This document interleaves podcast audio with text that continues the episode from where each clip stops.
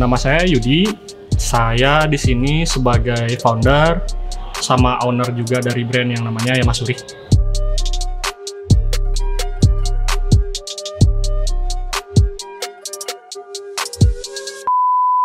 Namanya Yamasuri.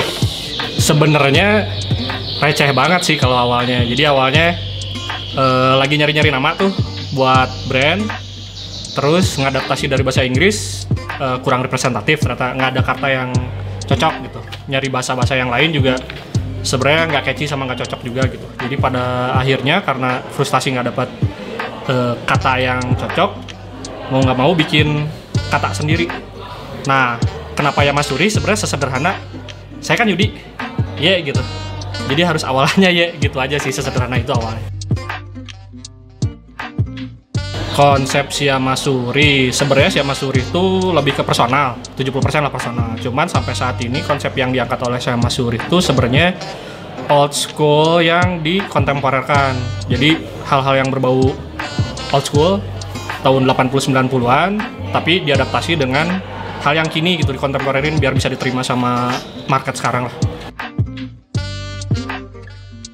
Pertama kali kepikiran bikin clothing, sebenarnya ini cita-cita saya dari SMA sih bikin clothing. Terus ya jadinya dari SMA masuk kuliah dan lain-lain tetap fokus ke situ gitu bikin clothing. Cuman kalau dulu masih bingung kan mau bikin apa gitu genre jadinya ketika tahun 2014 baru kepikiran bikin clothing dengan konsep yang kayak gini. Jadi sebenarnya eh, si Yamasuri itu lebih ke rekapnya dari histori saya dari SMA gitu. Sukanya apa ngelakuin apa aja terus dapat informasi apa aja selama perjalanan hidup direkap jadinya Yamasuri kayak gitu.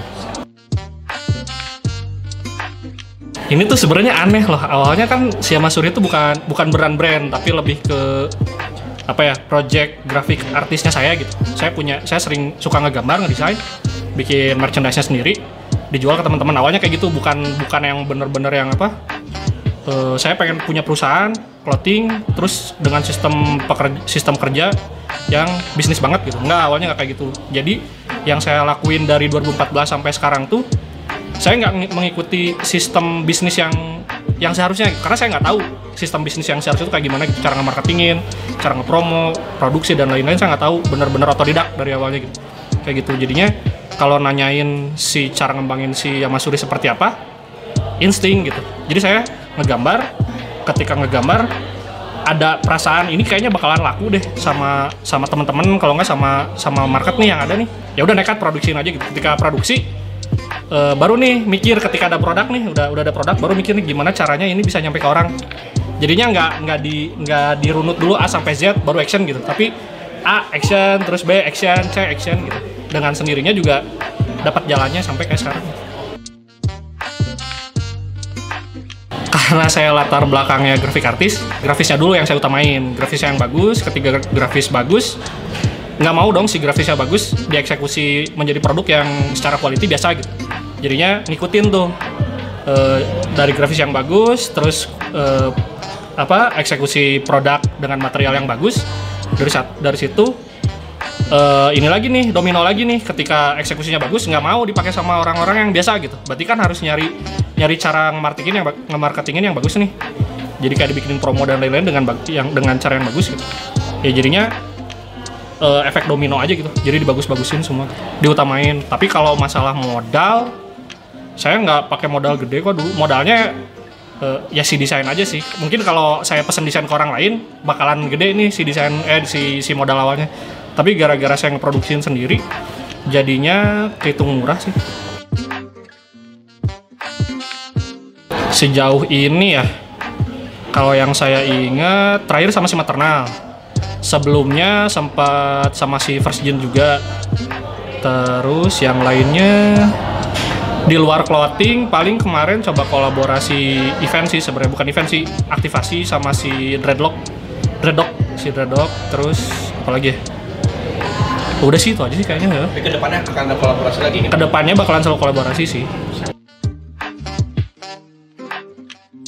Wah penting banget tuh. Apalagi kalau buat di Bandung kan Bandung mah serba rereongan ya.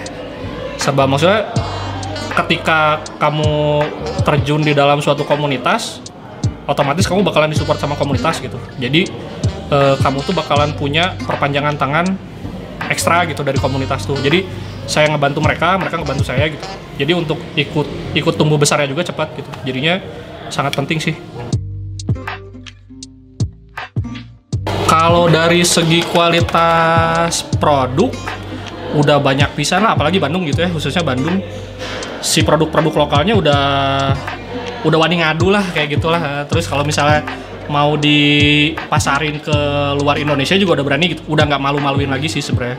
Dari segi knowledge nya kan sebenarnya si si clothing tuh nggak sekedar menjual produk kan tapi men- menjual gaya hidup.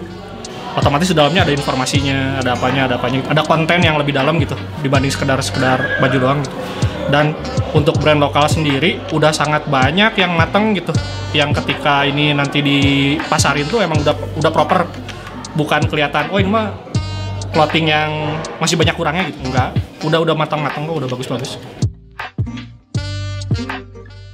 Masa sulit ya? Pasti ada sih sebenarnya kalau masa sulit. Kalau buat si Masuri sendiri sih masa sulitnya yang paling gede ketika awal ngebangun kan nekat tuh. Punya uang diproduksiin. Nah ketika diproduksiin karena saya masih belum terlalu masuk ke dalam komunitas gitu jadinya kan masih sulit untuk jualan. Kayak gitu. Nah jadi pada saat itu masa sulitnya gimana caranya si produk yang saya punya ini bisa nyampe ke konsumen yang saya pengenin kayak gitu. Terus kalau dari segi dana sih sebenarnya nggak ada lah nggak ada kesulitan dana karena untuk clothing itu sendiri nggak nyampe 5 juta sebenarnya udah udah bisa ini kok udah bisa running gitu.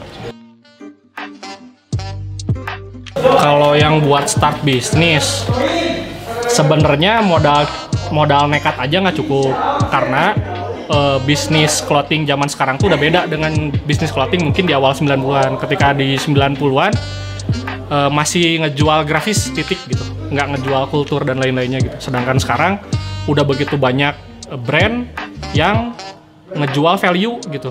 Jadi sekarang lagi perangnya perang value nih. Perang value perang gengsi gitu. Jadi ketika ngeraningin ngeraningin clothing mendingan diperdalam dulu nih si value brandnya gitu. Kayak gitu. Jadi ketika nanti udah running ada ekstra amunisi lah buat bisa bersaing sama si brand yang lainnya gitu. Kayak gitu